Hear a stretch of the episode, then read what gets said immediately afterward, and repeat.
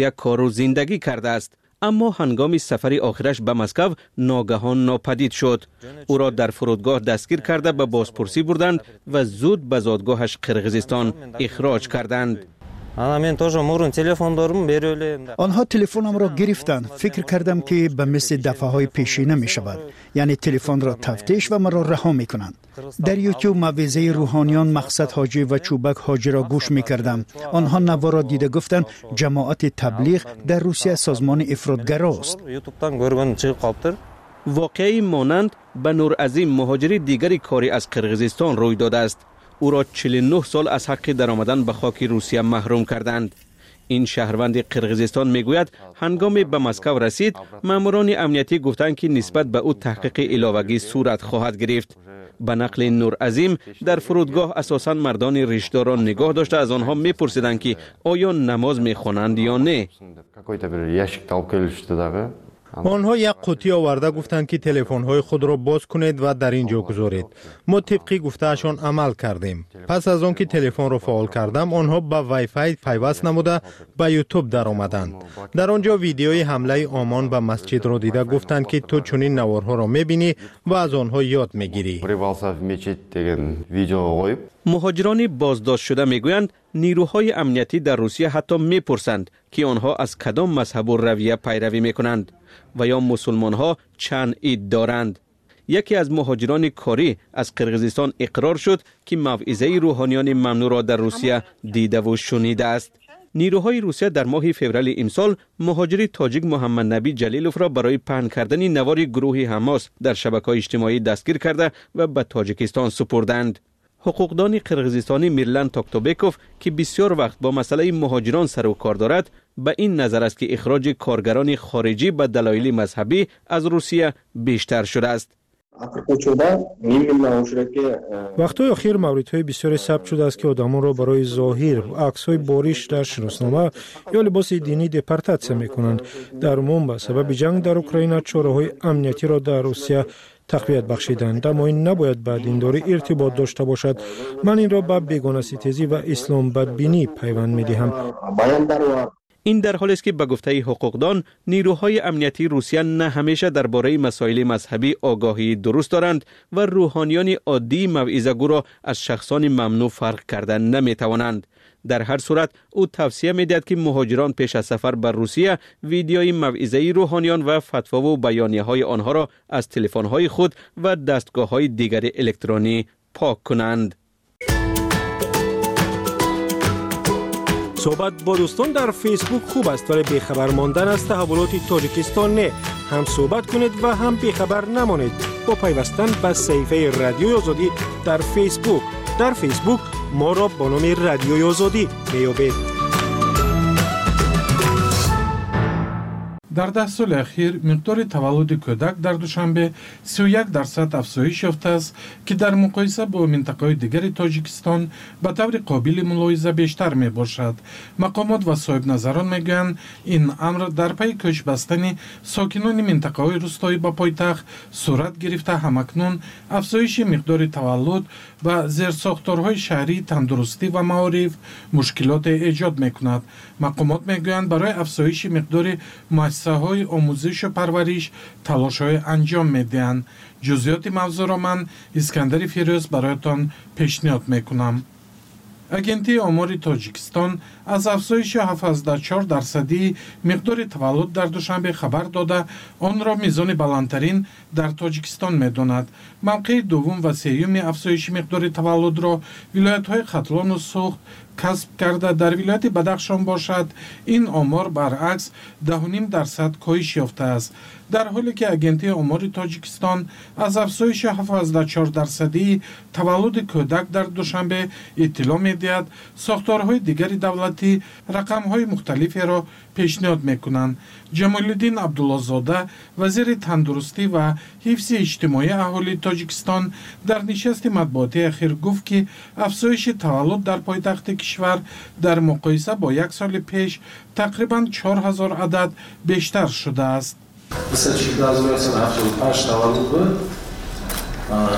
таваллуд нисбат ба соли 2022 3887 адад зиёд буд аммо акбар субҳонов мудири шӯъбаи таҳқиқоти демографӣ пажӯҳишгоҳи иқтисод ва демографӣ академияи миллии илмҳои тоҷикистон афзоиши таваллуди кӯдакон дар пойтахт дар даҳ соли ахирро 31 дарсад мегӯяд вай дар шарҳи ин мавзӯъ ба радио озодӣ гуфт ки феълан аҳолии кишвар ба 12 миллион нафар расидааст ва тибқи дурнамои рушди кишвар то соли 2030 теъдоди аҳолӣ то ба 11 миллион нафар хоҳад расид ба эътиқоди ҷаноби субҳонов афзоиши миқдори таваллуд дар шаҳри душанбе ба кӯч бастани сокинони рӯстоӣ ба пойтахт рабт доштааст ки ин раванд дар солҳои ҷанги дохилӣ охири асри гузашта оғоз ёфта буд.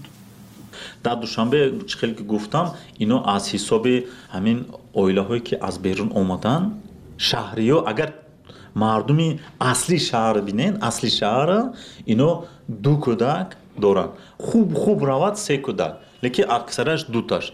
А ино зиёд шуда ино аз деҳо омада акбар субҳонов афзуд ки хонаводаҳои бумии шаҳрнишин бо дар назардошти вазъи иқтисодӣ ҳаргиз ба таваллуди кӯдаки нахустин ё баъдӣ шитоб намекунанд. Аммо ба гуфтаи вай тафаккури рӯстоиҳо ҳар чӣ зудтар таваллуд карданро аз оилаҳои ҷавон талаб мекунад. Ҷаноби субҳонов мегӯяд ҳоло ҳар оила ба ҳисоби миёна се кӯдак доранд ва тибқи барномаи рушди кишвар то соли 2030 сатҳи таваллуд дар ҳамин шумора нигоҳ дошта мешавад доктор шамсиддин қурбонов молики дармонгоҳи насл ки ба бордоркунии сунъии занҳои алоқаманди таваллуди кӯдак машғул аст мегӯяд ҳамасола дар тоҷикистон то 250 ҳазор кӯдак таваллуд мешаванд.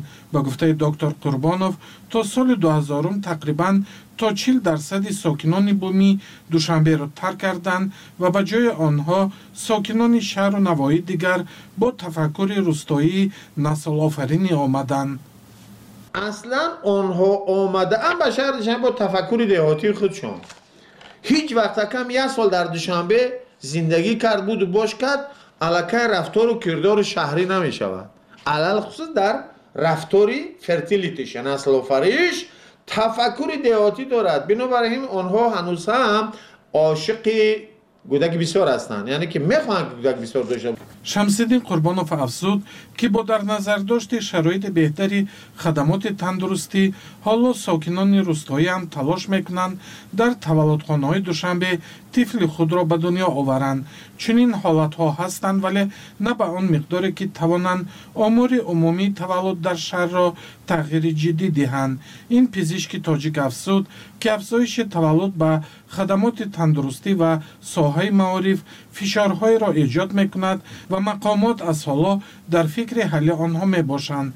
Зеро феълан низ сокинон ба камбуди ҷой дар боғчаҳои бачагона ва муассисаҳои таълимӣ изҳори нигаронӣ мекунанд рустами эмомалии шаҳрдори душанбе ахиран гуфта буд ки танҳо дар соли гузашта дар пойтахти кишвар барои беш аз даҳ ҳазор шогирд шаш муассисаи таълимӣ бунёд шудааст ва ин раванд идома дорад. Ба иттилои шаҳрдории душанбе ҳоло дар шаҳр сохтмони сенздаҳ муассисаи таҳсилоти миёнаи умумӣ бо бисту ҳашт ҳазор ҷойи нишаст ва панҷоҳу панҷ муассисаи томактабӣ барои даҳ ҳазор тарбиятгиранда идома доранд танҳо дар соли гузашта дар кишвар сиюяк муассисаи нави тандурустӣ бунёд шуда сохтмони ҳафтоду ҳафт дармонгоҳу бемористони дигар идома доранд. Ҳоло дар душанбе 112 муассисаи табобатӣ аз ҷумла 8 адад бемористон ва 15 адад дармонгоҳ фаъол ҳастанд бо ин вуҷуд сокинони на танҳо шаҳри душанбе балки бештаре аз манотиқи тоҷикистон аз камбуди муассисаҳои тандурустиву таълимӣ ва боғчаҳои кӯдакона шикоят мекунанд. Ин арсаҳо пайваста мавриди интиқоди сокинону коршиносон ва худи мақомот қарор мегиранд талоши ҳукумат барои роҳандозии фаъолияти муассисаҳои хусусӣ дар ин арсаҳо низ то ҳол натиҷаи дилхоҳ надодааст нархи таълиму тарбия ва табобат дар муассисаҳои хусусӣ ба маротиб гаронтар аст ва на ҳама аз сокинони тоҷикистон тавони пардохти онҳоро доранд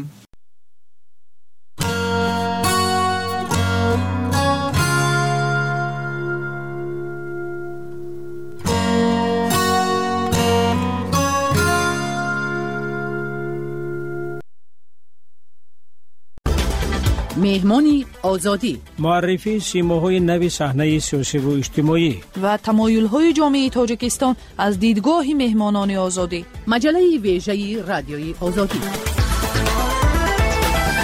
درود. به برنامه مهمانی آزادی خوش آمدید. من ارشاد سلیمانی مجری و تهیه کننده برنامه دوام 20 دقیقه با شما خواهم بود. مهمان این شب برنامه ما قاسم آدینبک غارفی است که در پایان سال 2023 در دانشگاه دولتی بخارا رساله علمیش را در موضوع هجوم ارتش سرخ به امارت بخارا و پیامدهای آن دفاع کرد. نخست از مهمانم پرسیدم که چه چیز انگیزه داد که شما در همین گونه یک موضوع حساس تاریخی تحقیقات کنید و رساله علمی نویسید؟ چی هم گفتن ممکن است. هنوز در دوره شوروی وقتی که من اسپیرانتی اکادمی علوم جمهوری تاجیکستان بودم اوید این موضوع کار کردم. هنوز سال 1985 وقتی بعد بازسازی سال 87 88 سال 89 90 علیکه من اسپران بودم. برای همین در بایگانی های شهر مسکو تاشکند شهر دوشنبه قرآن تپه کار کردم. و یکی از انگیزه های اساسیش در اون بود که ارتش سرخ که همشون آزاد کننده معرفی می‌کردن همون دوره همون سالها وقتی که به سال 1985 پریسترویکا به نام دوره گربچوف کشایدن بایگانی ها شروع شد. سورشن سکرید مخفی جای داشتگی حجت ها کشاده شدن. از اونجا من هم سال علک 89 هم 90 با اونایش به این سرشین سکرین و حجت ها شناس شدم. چی دیدید در این حجت ها؟ در این حجت ها بسیار چیزای عجایب را دیدم.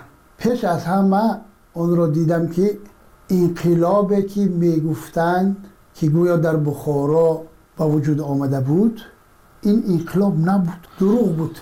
خب شما وقتی که در بایگانی ها حقیقت تاریخ دیدید وقتی که حقیقت تاریخ رو دیدم راستش شاید به احساسات داده شدم. حتی موی سرم به یک درجه خیست. منم گمان می‌کردم به ایده کمونیستی گمان می‌کردم که همش درست است. وقتی که با حجت های بایگانی شناس شدم و حتی در یک تلگرام بود با فرونز فرستادگی از مسکو از مسکو لینین با زبان روسی گویم میگه او کوی است گلوی چلما кто одевает халат, считайте пособником басмачей, до трех надо считать, третьего на месте надо стрелять, тогда будет политика в Среднем Азии. И حرف لینین معنی آن داره این بله تلگرام که جناب لینین با میخیل واسیلوش فرونزی میفرستاند میگه که بینید که شخصی که در سرش چلمه دارد. خوب فهمه خب خلط یعنی جیلک خلق جامعه جیلک می پوشد حساب کنید که آنها یاردمشان باسمچی هستند و تو سه حساب کردن در کار و سه رو در جایش پراندن در کار. اون وقت سیاست میشه یعنی همین حالت شما رو وادار کرد که همین حالت همین اجرایش همین تلگرام بعدا باز حجتی من واخوردم که در همین سیم این زواد حاضره. طرف تپای شرقی شرقی طرف تپای غربی بخا... شهر دوشنبه در اینجا قریب سه هزار آدم پروندن در کلوب هم میشی از این خاطر همون وقتا نیت کردم که اگر یک روز زنده مانم تاریخ این دوره رو دیگر خیلی باید نوشت. باید مردم داند حقیقت را. باید داند که حقیقت چی است؟ شما سالهای آخر سالهای هشتادم به تحقیق این موضوع آغاز کردید 90 سال 92 یک کتاب را با نام امارت بخارا تخت واژگون یا اصطلاح بولشویکی هم به چاپ رساندید ولی سال 2023 رسالتان حمایت کردید چرا اینقدر وقت طولانی را در بر گرفت می‌دونید چی امارت بخارا تخت یا واژگون یا اصطلاح بولشویکی شما میدون از نام همین کتاب می‌خواد است که استاد جلال اکرامی کتاب دارد تخت واژگون همین مضمون من این چیز رو نوشتم که همون تخت واژگون بود یا که اصطلاح بولشویکی اصطلاح بولشویکی بودنش من در این کتابی خوردکک اثبات کرده دادم از حجت های بایگانی ها. بایگانی بعدا برای حمایه کردن موضوع که من می‌خواستم که باید موضوع با نام حجوم قشون های سرخ به امارت بخارا. حمایه در وقت قابل قبول نشد. در تاجیکستان؟ در تاجیکستان در همان وقت.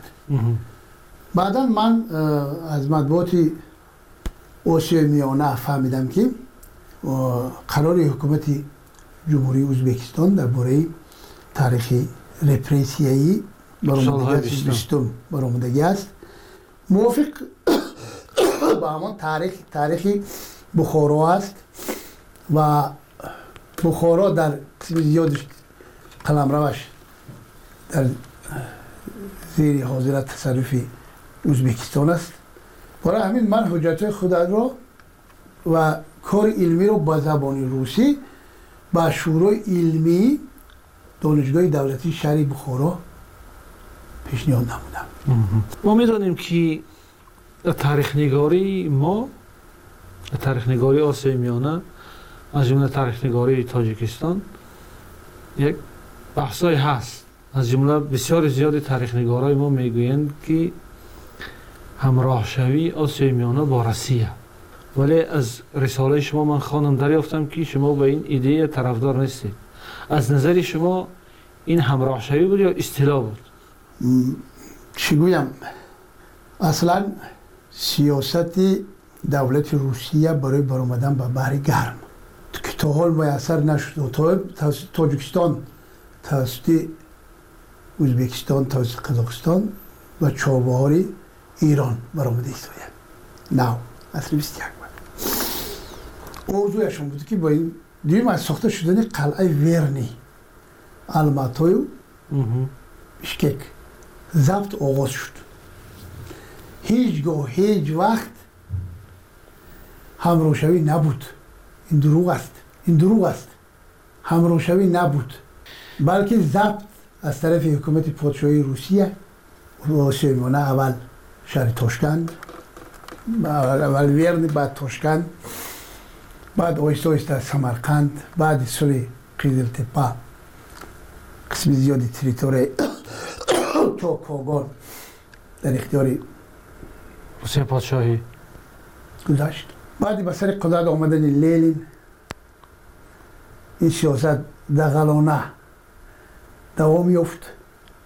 دخلاناتر دغلانه تر دوام یافت. و با یک تکلیف خواهینانه فیض خواجه جوان بخارایان در حزب کمونیستی بخارا می‌خواستم که. در همین باره صحبت کنیم شنونده عزیز شما برنامه مهمان آزادی را از رادیو آزادی میشنوید که مهمان ما دانشمند تاجیک قاسم آدینبک غارفی است و روی رساله علمی او حجوم ارتش سرخ به امارت بخارا به صحبت نشسته ما در تاریخ می‌خوانیم که مردم بخارا در سیمای فیضلا خوجایف و طرفدارای او جوان بخاریان یا کمونیست های بخارا اینا به артиши сурх нома навиштанд ки биёед моро аз зулми амири бухороё халос кунед. Ҳамин нома то куҷо ҳақиқат дорад? Оё ино аз пеши худашон навиштанд ё инро водор карданд ки ҳамин гуна як нома навишта шаваду заминаи ҳуҷум ба бухоро мавҷуд заминаи ҳуқуқии ҳуҷум? Медонед чи мо таърихи нағд медонем ки якум маротиба хостанд воқеаи колес агар шунидаги бошад хостанд ки استفاگر شدگی باشد بله خواستن که امیر بخارا را سرنگون کنند سرنگون کنن. ناکام شده البته ناکام شدن. دیگه مراتبه به او درجه که مثلا میگن حتی هزار نفر نبودن. کی؟ همین فیضالله خوجایف طرفدارانش. برای چی من می‌گویم که مثلا فیضالله خوجایف خیانت کرد؟ برای اینکه مکتوب شاید با قلم فطرت نوشته شده باشد. امضای با امضای فیضالله خوجایف کی اینا را وادار کرد که امیر مکتوب نوشتن شما فکر می‌کنید که یک انگیزه از داخل خودشان بود یا که اصلا کی وادار می‌کرد اینا رو کسی وادار نمی‌کرده اینا خود امارت برای آینده خودش کادرای نو تیار کردنی بود. از آن جمله فیض الله خواجه پسر قاسم خوجه آینده همچون کادر باید پسر عبید الله خواجه. عبید الله خواجه پسر قاسم خوجه باید آینده می آمد و به امارات بخارا خدمت می‌کرد. ضمن تحقیق در اسنای دیدن بایگانی ها آیا حجتی را ندیدید یا این اندیشه را در جای وان نخوردید که خود همین جوان بخاری را هم تحریک داده باشن داده باشن که همین گونه مکتوب شما بنویسین تا ما بیاییم یعنی اساس داشته باشن که هجوم کنیم. اصلا اصلا این مسئولیتشون شاید باشد از طرف حزبی کمونیست. حزب کمونیستی ترکستان اما وقتا حتی مسئولیتشون ممکن باشد لیکن در پس پرده هم باشد مکتوب به نام ارتش سرخ نمی نویسن کی می نویسن؟ مکتوب به نام حکومت روسیه شوروی همون وقت ارس فسر به نام لیلی به نام لیلی خواهش می‌کنن که برای سرنگون کردن امارت بخارا به بخارا هجوم کرده شد. برای که خود آنها می‌دانستند که در بخارا کسی وارد دستگیری نمی کند در قلمرو بخارا کسی اونها رو دستگیری نمی کند نه جوان بخارا نه جدیدا نه حزب کمونیستی بخارا را. به این خاطر اونها مکتوب نویسه خواهش می‌کنند. برای همین میام می‌گویم که فیض الله ارزوی امیر شدن را داشت. و این ارزوش به رسید. اگر امیر می‌شود چرا باید نظام امارت از بین ببرند؟ می‌دونه اول نمی‌خواستن که نظام امارت را ببرند. اول می‌خواستن که امیر از تخت بیرون نه اول می‌خواستن که مونارخ سیستم مونارخ کنستیتوشنی مثل یه اروپا کنند. امیر هم جوشته باشد. این سروازیر شود. و سروازیر شود. این خیلی هم بود. دیگرش این خب می, به همین شما می‌دانید به همین منیفست بیاییم. زیر تاثیر همین جدیدها یا به هر نام دیگری که بعد معمول شدن جوان بخاریان و اینها. و زیر تاثیر فشارهای روسیه پادشاهی. امیر بخارا به یک اصلاحات راضی شده. ببخشید. اون وقت علاکه علاکه به پادشاهی نبود. حکومت بولشویکا بود. حکومت بولشویکا راضی شد. که با نمایندهش می‌رود ملت. قبضان می‌کرد با امیر که امیر به اصلاحات راضی شد. راضی هم می‌شد راضی شد منیفست اعلان بله. کرد. حتی جدیدان و جوان بخاریان نمایش کردن. شکرانه بله. برگزار کردن. بله. در آثار استاد عینی ما می‌خوانیم که خلاصه استاد عینی این است که یعنی امیر مردم فریب داد. جوان بخاری و جدیدا را فریب داد. اینا وقتی نمایش شکرانه کردن همه اینا را بازداشت کرد. نیمی از اینا کشته شدن. نیمیش در تبعید بود. از جمله استاد عینی را 75 دره می‌زنند. و مشاور همین اصلاحات هم روسیه همون وقته بود. برای چی همین اصلاحات با, ما- با فریب انجام شد؟ می‌دونید چی؟ برای اینکه قوه اساسی نبود. هم جدیدا هم جوان بخاران همه حزب کمونیست در قوه بزرگی نبودن که با حکومت امیری تاثیر خود داشته باشد. به خاطر به این منفستات شکرانشون اه، جامعه اول نپوشید یعنی نخواست امیر نخواست که اونا حمایت کنن. ما می‌بینیم تاریخ می‌بینیم یعنی این چیزها زمینه می‌شد که گویا زمینه می‌شد که دولت بخارا امارات بخارا از بای برده شد. برای چی روسها تصمیم گرفتند؟ یعنی حکومت بلشویکی روسیه تصمیم گرفت که دولت بخارا را از بین ببرد در حالی که این دولت یک دولت نیم مستملکه زیر تاثیر وی بود و تقریبا به همه خواسته های وی راضی می‌شد. چرا باید این دولت از بین ببرد می‌دونید چی؟ همون وقت پیشنهاد کردند که گویا حرکت مقاومت به ضد حکومت شوروی در فرغانه با امیر بخارا علاقه دارد. این یک. دوم گویا که امیر بخارا به افغانستان و ایران و انگلیا رابطه دارد. رابطه دارد و آینده برای یک خیف به وجود آمدنش ممکن. حکومت بولشویکی روسیه می‌دانست که قدرت توانای امارت بخارا ندارد. پیشروی وی را گیرد. حجوم قشنهای سرخ را گیرد. لیکن در مجموع بعدا حال ما وی می‌کنیم. نشان می‌دهد که اگر چنده که امیر قدرت هم نداشته باشد مردم برای محافظت در و بوم برای محافظت ناموس خود برای محافظت وطن خود برخیستند هم در بخارای مرکزی هم در بخارای شرقی هم در بخارای غربی. خود مرکز بخارا. مردم بسیار قیام خیستند یعنی و حتی حتی دو مراتبه سه مراتبه اسکری رو از بخارا راندن. یعنی خواستن که پیش از این که این حرکت به کلانتر تبدیل شود خب بالاخره نتیجه این می شود که ارتش سرخ به بخارا هجوم می‌کنند از روی معلومات های تاریخی از جمله از بر اساس نوشته های اکادمیک محمد جان شکوری از روی مسئولیت پیشکی باید احمد جان حمدی رئیس کمیته انقلابی بخارا می‌شد یعنی راهبر دولت می‌شد. ولی استاد شکوری ادامه می‌کنند که حمدی به باران کردن بخارا راضی نمی شود و از همین خاطر رئیس کمیته انقلابی بخارا تعیین نمی شود ولی ما می‌دانیم که رئیس کمیته انقلابی بخارا یکی از پیشتازان جوان بخاریان یکی از روشنفکران همون دور عبدالقادر محیدین تعیین میشه آیا در بایگانی ها در اسنادی که شما دیدید جای گفته شده است که عبدالقادر محیدین با باران شدن بخارا راضی می‌شد نه. چون بخارا باران شد. نه. دیگر کسی وقتی که مکتوب می نویسد فیض الله خواجایف حمدی و دیگر کسای امضا میمونند از آن را عبدالقادر محیدین فهم خواهش می‌کنه که حجوم. صورت بگیرد.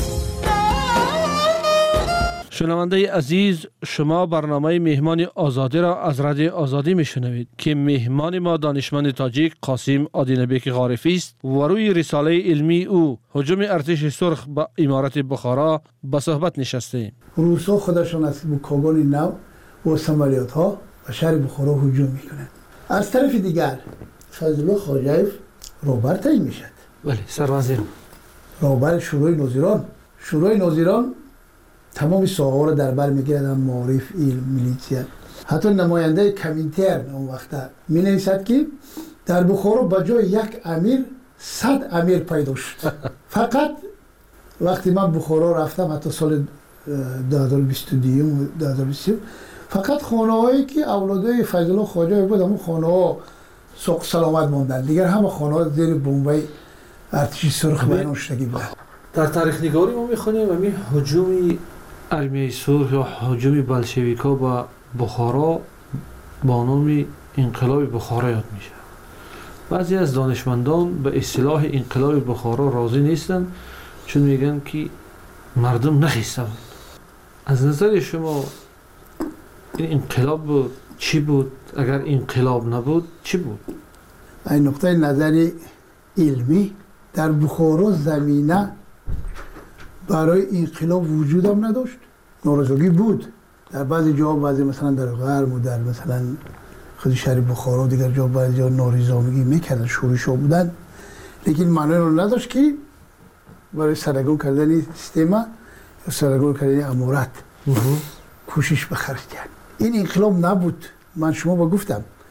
حتی حزب کمونیست در بین مردم عبور نداشت. جوان بخاران را چشم دیدن نداشتن. حتی مردم. با یک اصلاحات های مکتب نو دیگر دیگر دیگر چیزا. فکر اندیششون بسته شدگی بود. در بعض جا موفقیت هم به دست آوردن مکتب های نو هم شدن. مکتب های جدیدی هم. لیکن در مجموع زمینه برای انقلاب وجود نداشت. برای انقلاب زمینه باید وجود باشد. چیز نوروزگی عمومی مردم. در بخورا وجود نداشت. نوروزگی عموی مردم در بخارا وجود نداشت. حتی سبب برآمدن امیر بخارا بعد وقتی که بمباران سر می شود از شهر بخارا نمی‌خواست که شهر بخارا ویران شود. حتی مردم از قفای امیر گریه می‌کنند. با تشکر از قاسم آدینبک غارفی برنامه امشب مهمان آزادی را از رادیو آزادی به پایان می‌بریم. تا برنامه های دیگر خدا نگهبان. بدرود تا درود دیگر.